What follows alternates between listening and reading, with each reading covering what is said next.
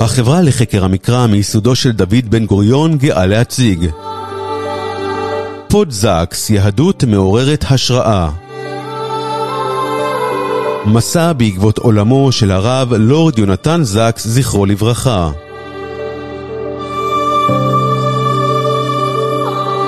בהגשת הרב דוקטור עידו פכטר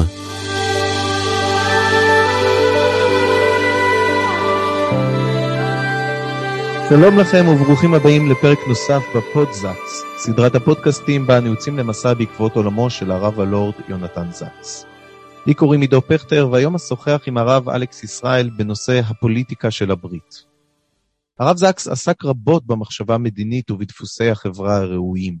הוא הביע עניין אישי בגורלה של מדינת ישראל, ועל פי התיאור שלו בספרו רדיקלית אז, רדיקלית עכשיו, את דרכו למסורת היהודית ולעולם הרבני בכלל, הוא החל בגלל מה שהתחולל בארץ במלחמת ששת הימים. כיצד הבין הרב זקספו את הפרויקט הציוני? כיצד הוא התייחס לחברה היהודית הנבנית כאן בארץ? מה היסודות הפוליטיים, לדעתו, שעליהם עליה להיבנות? שאלות אלו מקבלות משנה תוקף היום, כשמחלוקת עמוקה סביב מהלכים פוליטיים כאלה ואחרים, מפלגת את החברה הישראלית. כאמור, אשוחח על כך עם הרב אלכס ישראל, שמלמד תנ"ך במדרשת לינדנבאום בישיבת ארץ הצבי ובמכון פרדס. הרב אלכס חיבר שני ספרים על ספר מלכים, הוא משמש היום כמרצה פופולרי בקהילות שונות ברחבי העולם, בין היתר על משנתו של הרב יונתן זקס. שלום הרב אלכס. שלום, שלום. הרב זקס ביקר בארץ אה, פעמים רבות, ובכלל הוא היה קרוב למה שמתרחש כאן בהוויה הישראלית. כיצד אה, לדעתך הוא, הוא הבין את הציונות? כיצד הוא התייחס למה שאנחנו בונים כאן בארץ? כן, אז כולם uh, חושבים על הרב זקס כמאוד אנגלי עם העניבות הצהובות, אבל uh, הרב זקס, למרות שהוא לא התגורר כאן, היה ממש ציוני נלהב. ואולי זו הנקודה הראשונה שחשוב לי להגיד. הסבא שלו היה מחלוצי פתח תקווה, והוא מאוד התגאה בזה. כילד הוא היה חניך בבני עקיבא ואף פעם לא שכח את זה. והזכרת את זה כשכסטודנט, האירועים מסביב למלחמת ששת הימים ממש הציתו אצלו את, ה, את הרוחניות והובילו אותו לחיפוש של כל מיני מורי דרך רוחניים, כולל הרבי מלובביץ' והרב סולובייצ'יק, שהם אתגרו אותו לכיוון הרבני. אני, אני אגיד שכמי שנולד באנגליה וגדל שם, כרב ראשי כל שנה הוא הגיע לתפילה הקהילתית ביום העצמאות בבני עקיבא, והוא היה בשיא ההתלהבות שלו, באמת מישהו צריך לקחת את הדרשות שלו מיום העצמאות, הוא אחרי התפילה, הוא היה רוקד והסיע אותו על הכתפיים בריקודים, והוא היה ממש בהתלהבות עצומה. ואחיו אלן פעם סיפר כמה שהוא פשוט נהנה להיות בירושלים. כשהוא התמנה להיות רב הראשי, הוא, הוא אמר שהוא צריך קצת זמן להיכנס לתפקיד ולחשוב, והוא בילה חצי שנה בירושלים בשנת 91, במלחמת המפרץ, ויש לו כל מיני סיפורים, אבל הוא באמת הרגיש את ה... במלא עוצמתו את, ה, את העניין הישראלי. ציטוט קטן, מה שהוא אומר על הארץ. הוא אומר, יהודים היו כמעט בכל ארץ תחת השמש, אך לאורך ארבעת אלפים שנה רק בארץ ישראל היו לעם חופשי וריבוני. רק בארץ ישראל הם יכולים, אם הם בוחרים, לפתח חקלאות, מערכת בריאות, תשתית כלכלית ורוח התורה ודאגתם לחופש, לצדק ולקדושת החיים. רק בישראל יכולים כיום יהודים להשתמש בעברית, שפת המקרא, כשפת היום-יום. רק בה הם יכולים לחיות את הזמן היהודי, בלוח שנה העשוי על פי המקצב של השנה היהודית. רק בישראל יכולים יהודים לחיות את היהדות במהדורה המלאה ללא קיצורים. בישראל ורק בה יכולים יהודים לפסוע בשבילים שפסו בהם נביאי ישראל, לטפס על הערים שאברהם העפיל לראשם, לשאת את עיניהם על הגבעות שראה דוד המלך, ולהמשיך את הסיפור שאבותיהם החלו. אז הוא לא התגורר כאן, הוא התקשה uh, ברהיטות שלו בעברית, באנגלית הוא ידע שהוא שלט גם בתרבות, הוא היה מסוגל להתבדח ולצטט פילוסופים ושייקספיר, וכאן הוא ידע שהוא לא יצליח להיות uh, רהוט כל כך.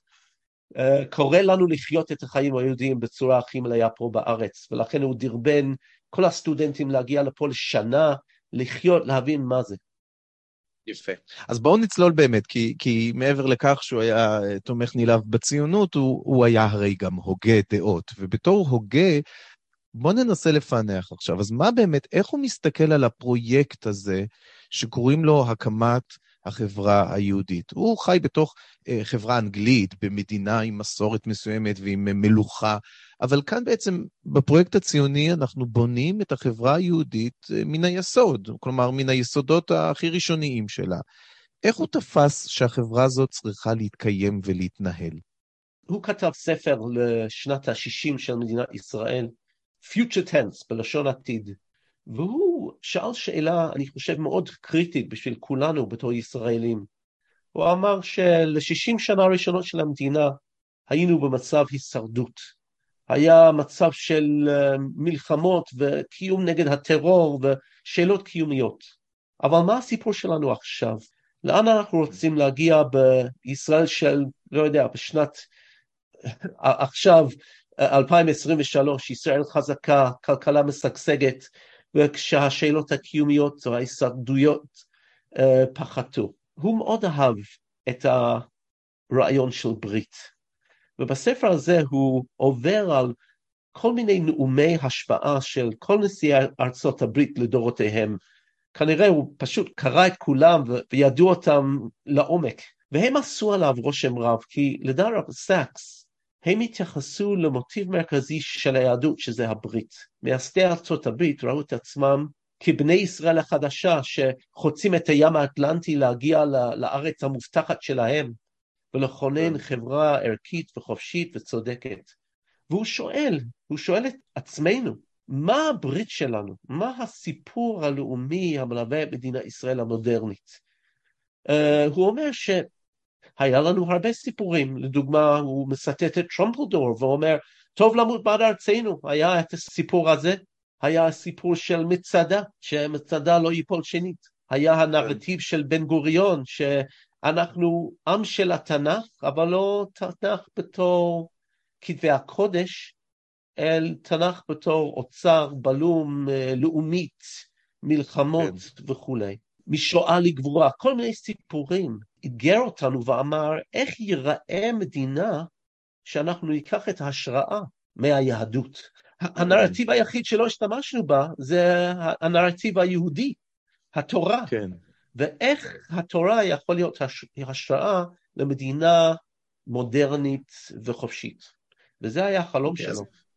אז מה התשובה באמת? מה, מה הוא באמת מציע? איך, איך מושג הברית מעצב באמת, אגב, שזה באמת מושג אה, מהתורה, זה מושג אה, מקראי, גם עם אברהם וגם משה כורת בריתות עם עם ישראל. אז איך באמת מושג הברית, שאגב, לא רק הרב זקס, אלא אה, אני, שחקרתי באמת את עולמה של האורתודוקסיה המודרנית, ראיתי שבאמת הוגים, בעיקר מארצות הברית, אבל גם מאנגליה, מרבים להשתמש במושג הזה. זה מושג שאנחנו, אני יכול להגיד שאם הוא הגיע לארץ, זה, זה הרבה בזכותם. אז איך, איך, איך באמת ברית מאפיינת פה את, ה, את, את החברה הישראלית? אז uh, האמת היא שהרב זקס uh, מאוד לא אהב את הכוח הדורסני של הפוליטיקה. אה, והוא תמיד מדבר על, על שני מושגים, האמנה, the contract society, חברה מבוססת על אמנה, וזה אמנה של עסקה, של כוח, כאשר ברית הוא מערכת יחסים, הוא סיפור. אה, אמנה הוא עולם של אינטרסים, אבל כן. ברית זה זהות. אה, ברית הוא כשאני פוגש מישהו ויש לנו נרטיב שלנו.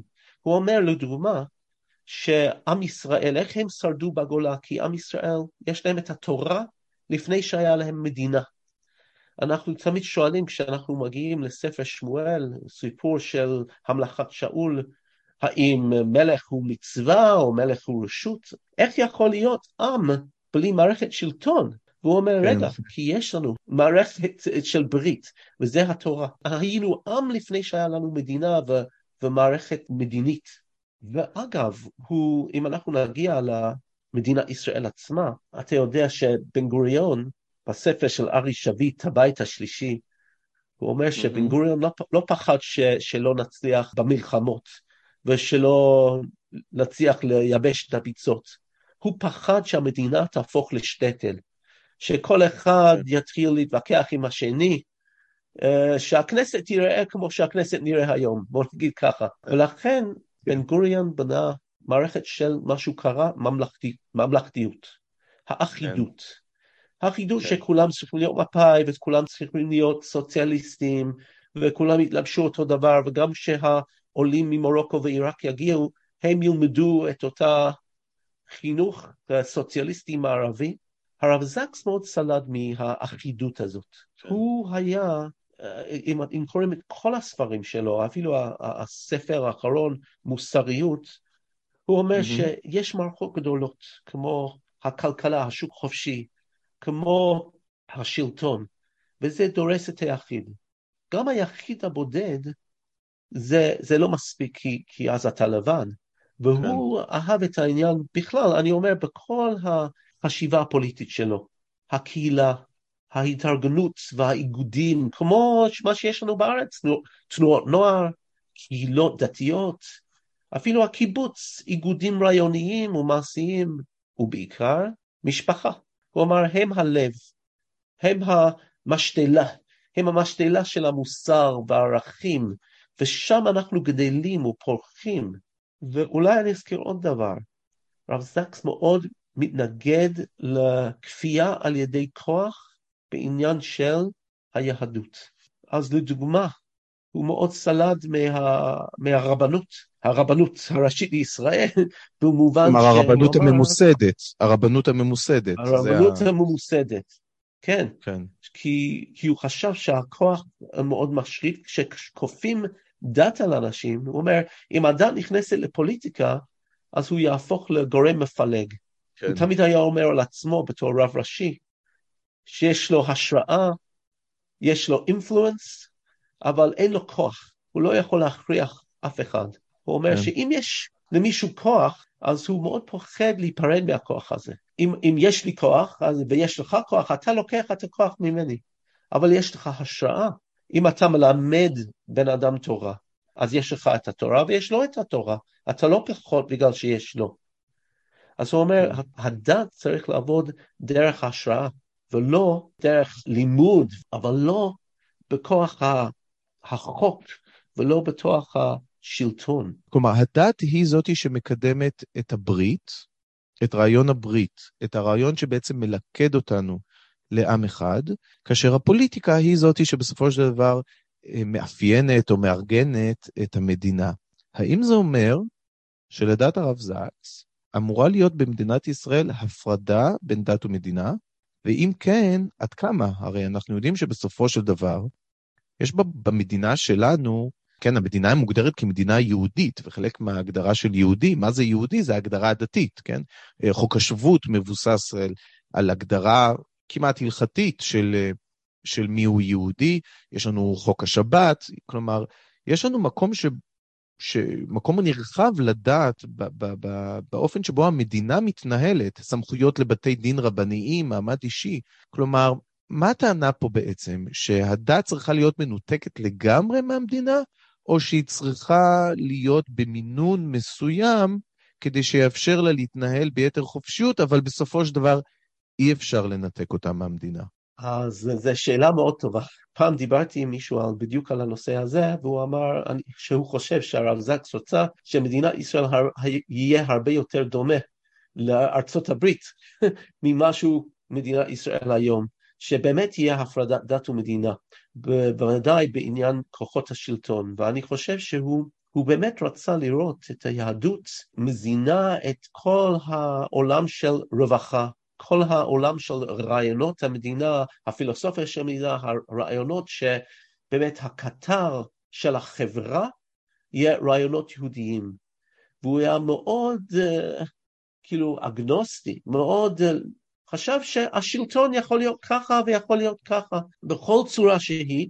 אנחנו צריכים צבא, אנחנו צריכים מדינה, אנחנו צריכים איזה שלטון לארגן המדינה, אבל זה, זה כל כך שונה כל הרעיונות של הרב קוק, שדווקא המדינה יש לו קדושה וכל מערכות המדינה.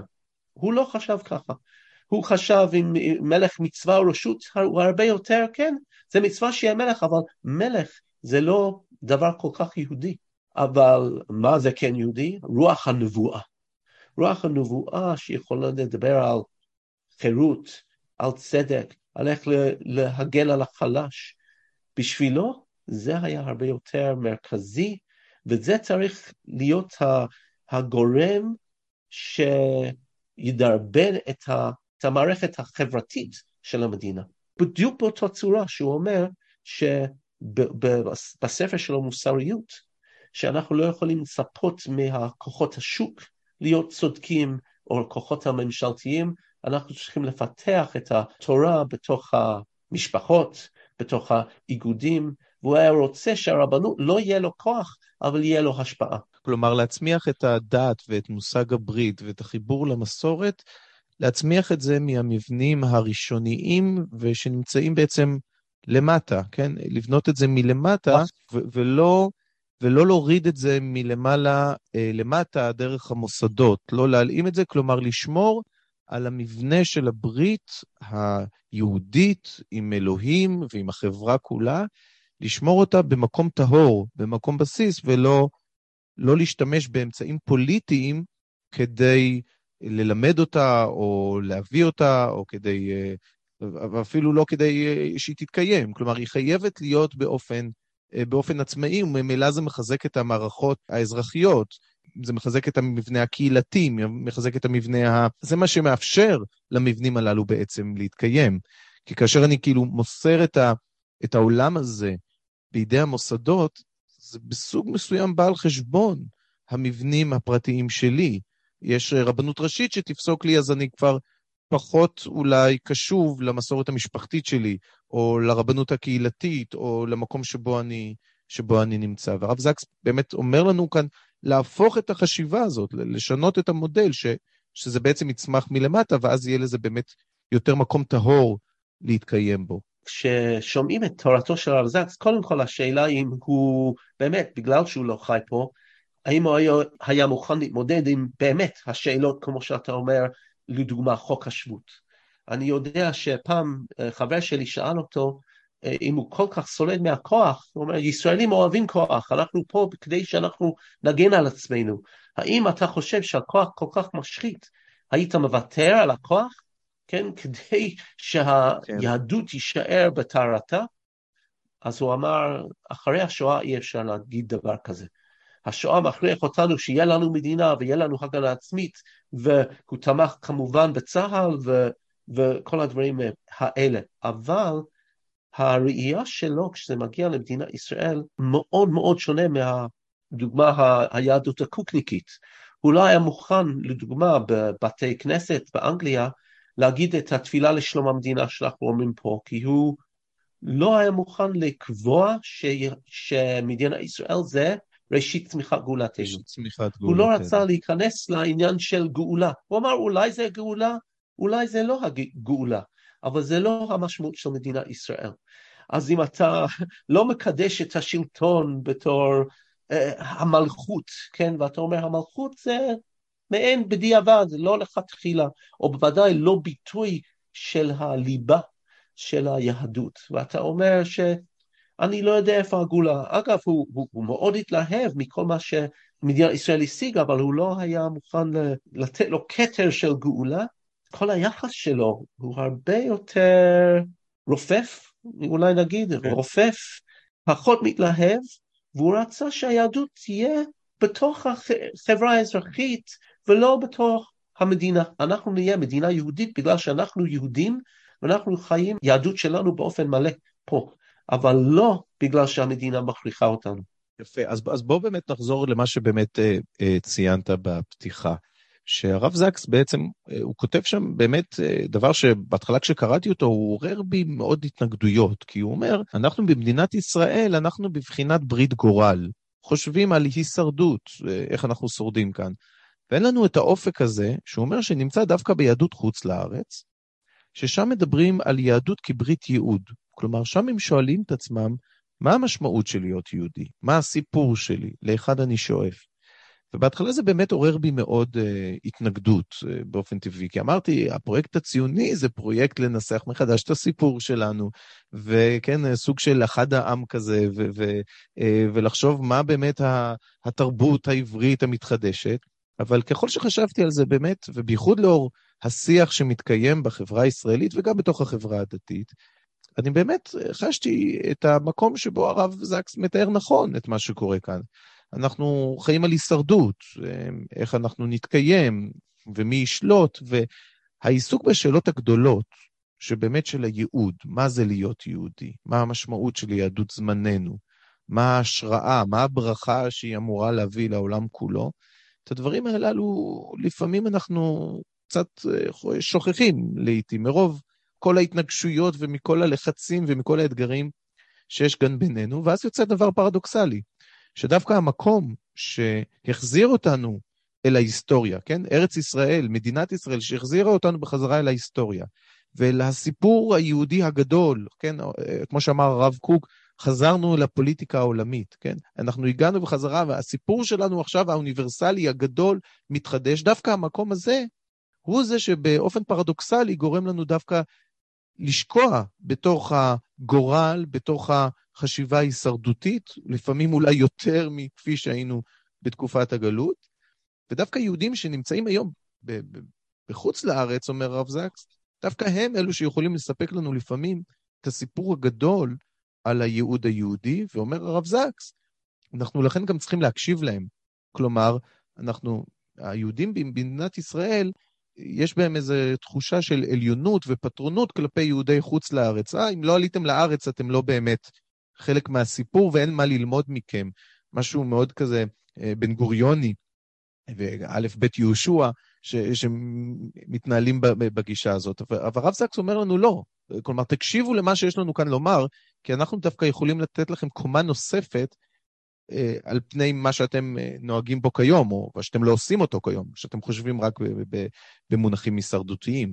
אז באמת, האם לדעתך, הרב אלכס, זה באמת הצעד הבא שבאמת אנחנו צריכים לעשות פה בארץ? כלומר, האם זה המקום, ואולי גם תגיד לי, כמישהו שהגיע באמת מאנגליה, האם הקשר הזה שבינינו לבין יהדות חוץ לארץ, האם זה מה שבאמת יכול להביא לנו כאן איזו קומה נוספת בקיום שלנו, להקשיב למה שהרב זקס אומר, למה שלא רק הוא אומר, אלא גם אחרים אומרים, ולבנות באמת כאן קומה נוספת של ברית ייעוד על פני הקיום שלנו פה. האם לדעתך זה הצעד ייקח אותנו באמת אל העתיד שלנו?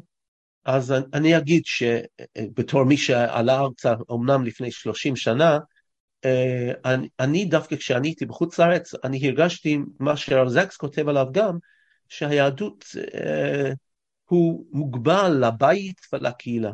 ופה, ופה יש סתירה, מעין סתירה אצל הרב זקס, שהוא באמת שמח על זה, שהיהדות יכול למלא את כל המרחב הציבורי. אבל הוא רצה שזה יבוא מלמטה, שזה לא יבוא מלמעלה, שחוקי שבת, שנרגיש שבת ברחוב, למה? כי אנשים ישמרו שבת, אבל לא כי המדינה, יהיה לו חוק. שאין אוטובוסים. הוא רצה שנהיה מודעים לצדדים האפלים של הכוחניות, שכשיהיה מפלגה דתית, המפלגה יבקש את הרווחה, יבקש את משרד החינוך, ולא משרד הביטחון או וכולי וכולי. לא כן. ינסו להכניס כל מיני אה, חוקים אה, של כפייה דתית, זה בוודאי. ואני חושב יותר מהכל, היה לו פעם שיחה, הוא, הוא, חיפש הוגים ישראלים לדבר איתם, אז אחד מהאנשים שהוא חיפש והיה לו כמה שיחות איתו היה עמוס עוז. ובאחד כן. מהשיחות הוא אמר ש... איך יכול להיות ש... ילדים uh, בתוך המערכת הכללית, המערכת הממלכתית של חינוך, לא יודעים אפילו מה זה עשרת הדיברות. אז עמוס עוז ענה לו, אבל עשרת הדיברות שהם לא יודעים, הם לפחות יודעים בעברית. וזה היה די, די מצחיק, אז, אז אבל הרס"קס באמת רצה שה, ש, שמערכת החינוך לדוגמה יחנך ליהדות. כן? וזה מה שהוא חלם, שאם יהיה כאילו ממשלה כמו שיש לנו, הם לא ייקחו יותר כסף בשביל המערך חינוך החרדי, שהם דווקא ירצו לעבוד עם הציבור החילוני, איך אנחנו יכולים להגביר את היהדות אצלכם? הוא היה, הוא היה שואל אותם, איך אתם רוצים ללמוד יותר יהדות? לפי טעמכם, איך אני יכול להגביר את העניין של לימוד תנ"ך, שאתם, כל אחד יצא מהבית ספר ויאהב תנ"ך ולא ישנא אותה. והדברים האלה, אני חושב שכך הוא היה רוצה לפעול, uh, במצב הקיים, הוא היה אומר איך אנחנו יכולים להגביר את הרווחה בארץ, אבל בתור דבר יהודי, ושכל אחד ירגיש שזה ביטוי ליהדות שלנו. Uh, ואני כן. אגיד אולי דבר אחרון, יש לו פרק בספר שהוא אמר שהוא ישב עם איזה דיפלומט uh, ישראלי, ודיברו על האו"ם, דיברו על כל החלטות האו"ם שהן תמיד נגד ישראל, והן אומנם תמיד נגד ישראל, והדיפלומט אמר לו, תמיד זה היה ככה, אם עם לבדד ישכון ובגויים לא יתחשב. רב זקס מהרהר לעצמו ואומר, אבל אולי זה, זה נאמר על ידי בלעם, אולי זה קללה ולא, ולא ברכה. מה, אנחנו באמת רוצים להיות עם לבדד ישכון? עם לבדד ישכון זה הופך להיות נבואה שמגשם את עצמה. אתה חושב שכל העולם נגדך, אז אתה פועל כאילו כל העולם נגדנו. אבל אם אנחנו פותחים את עצמנו אנחנו יכולים להרגיש שהעולם אולי מוכן לשתף פעולה איתנו, ואנחנו יכולים לשנות עולם, גם בעניין אה, כלכלת המים בעולם, וגם בני, כל, כל מיני רעיונות. אנחנו לא צריכים לייצא תחמושת וכל מיני uh, דברים הקשורים למלחמה, אנחנו צריכים לייצא uh, טכנולוגיה עילית, הייטק, וכל מיני דברים ש, שמתקנים את העולם. לרא, כמו שהוא תמיד אמר, לרפא עולם שבור. והוא אומר, אם היה לנו את הראייה הזאת, שבתור יהודים אנחנו יכולים להשפיע על העולם, זה היה הופך להיות אה, חזון, באמת, הוא, הוא רצה יותר חזון נבואי מחזון של, אמר שהעולם של כהנים זה עולם של כוח וממסד, הוא רצה חזון נבואי, חזון של שלום, חלון של שיתוף פעולה, כך הוא תפס כן. את היהדות. חופש, אז אולי באמת זה היה ראשית צמיחת גאולתנו. כלומר, אם, אם באמת אה, היו רואים את זה במדינת ישראל. אני לא יודע כמה זה ריאלי, אבל, אה, אבל לפעמים צריכים להקשיב לקולות אחרים, וזה מדליק אצלך, וואו, זה יכול להיות אחרת. אז אה, בדיוק, ככה. בדיוק. להקשיב למישהו שדווקא נמצא, דווקא בגלל שהוא אולי גר שם, מעבר לים, ו- והוא לא נמצא בתוך האמבטיה הפוליטית והמאבקים הפנימיים, פתאום הוא יכול לתת לנו מבט אחר, שקצת ירים את המבט שלנו על, ש... על מה שמתנהל כאן. בוא נחתום בבקשה, כן. הרב אלכס, עם אה, ציטוט אה, שאתה בחרת, ציטוט אהוב עליך מתוך כתביו של הרב זקס, שבאמת מתכתב עם מה שדיברנו עליו. זה יקרא ציטוט על, ה, על החשיבות של ההקשבה ועל השמיעה. בספר דברים, שמע, שמע ישראל.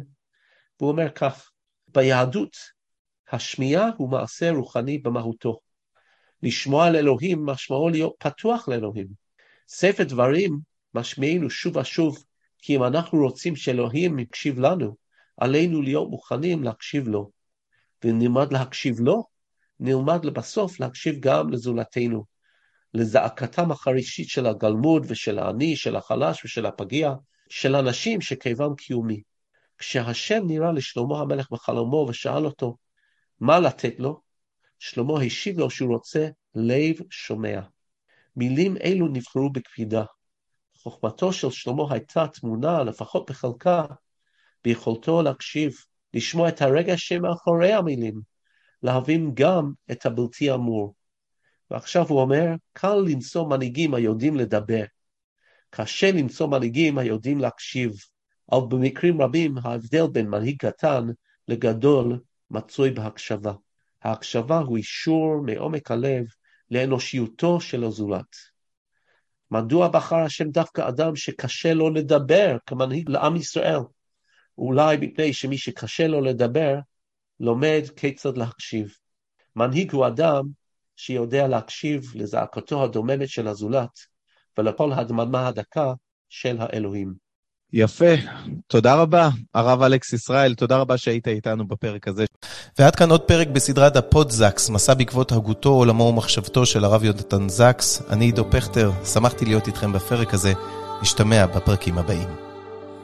האזנתם לפודקאסט פודזקס, מסע בעקבות עולמו של הרב לורד יונתן זקס, זכרו לברכה, בהגשת הרב דוקטור עידו פכטר. החברה לחקר המקרא מיסודו של דוד בן גוריון מבקשת את תשומת לבכם לתרומה להמשך פעילות העמותה. לפרטים נוספים, כנסו לאתר www.המקרא.org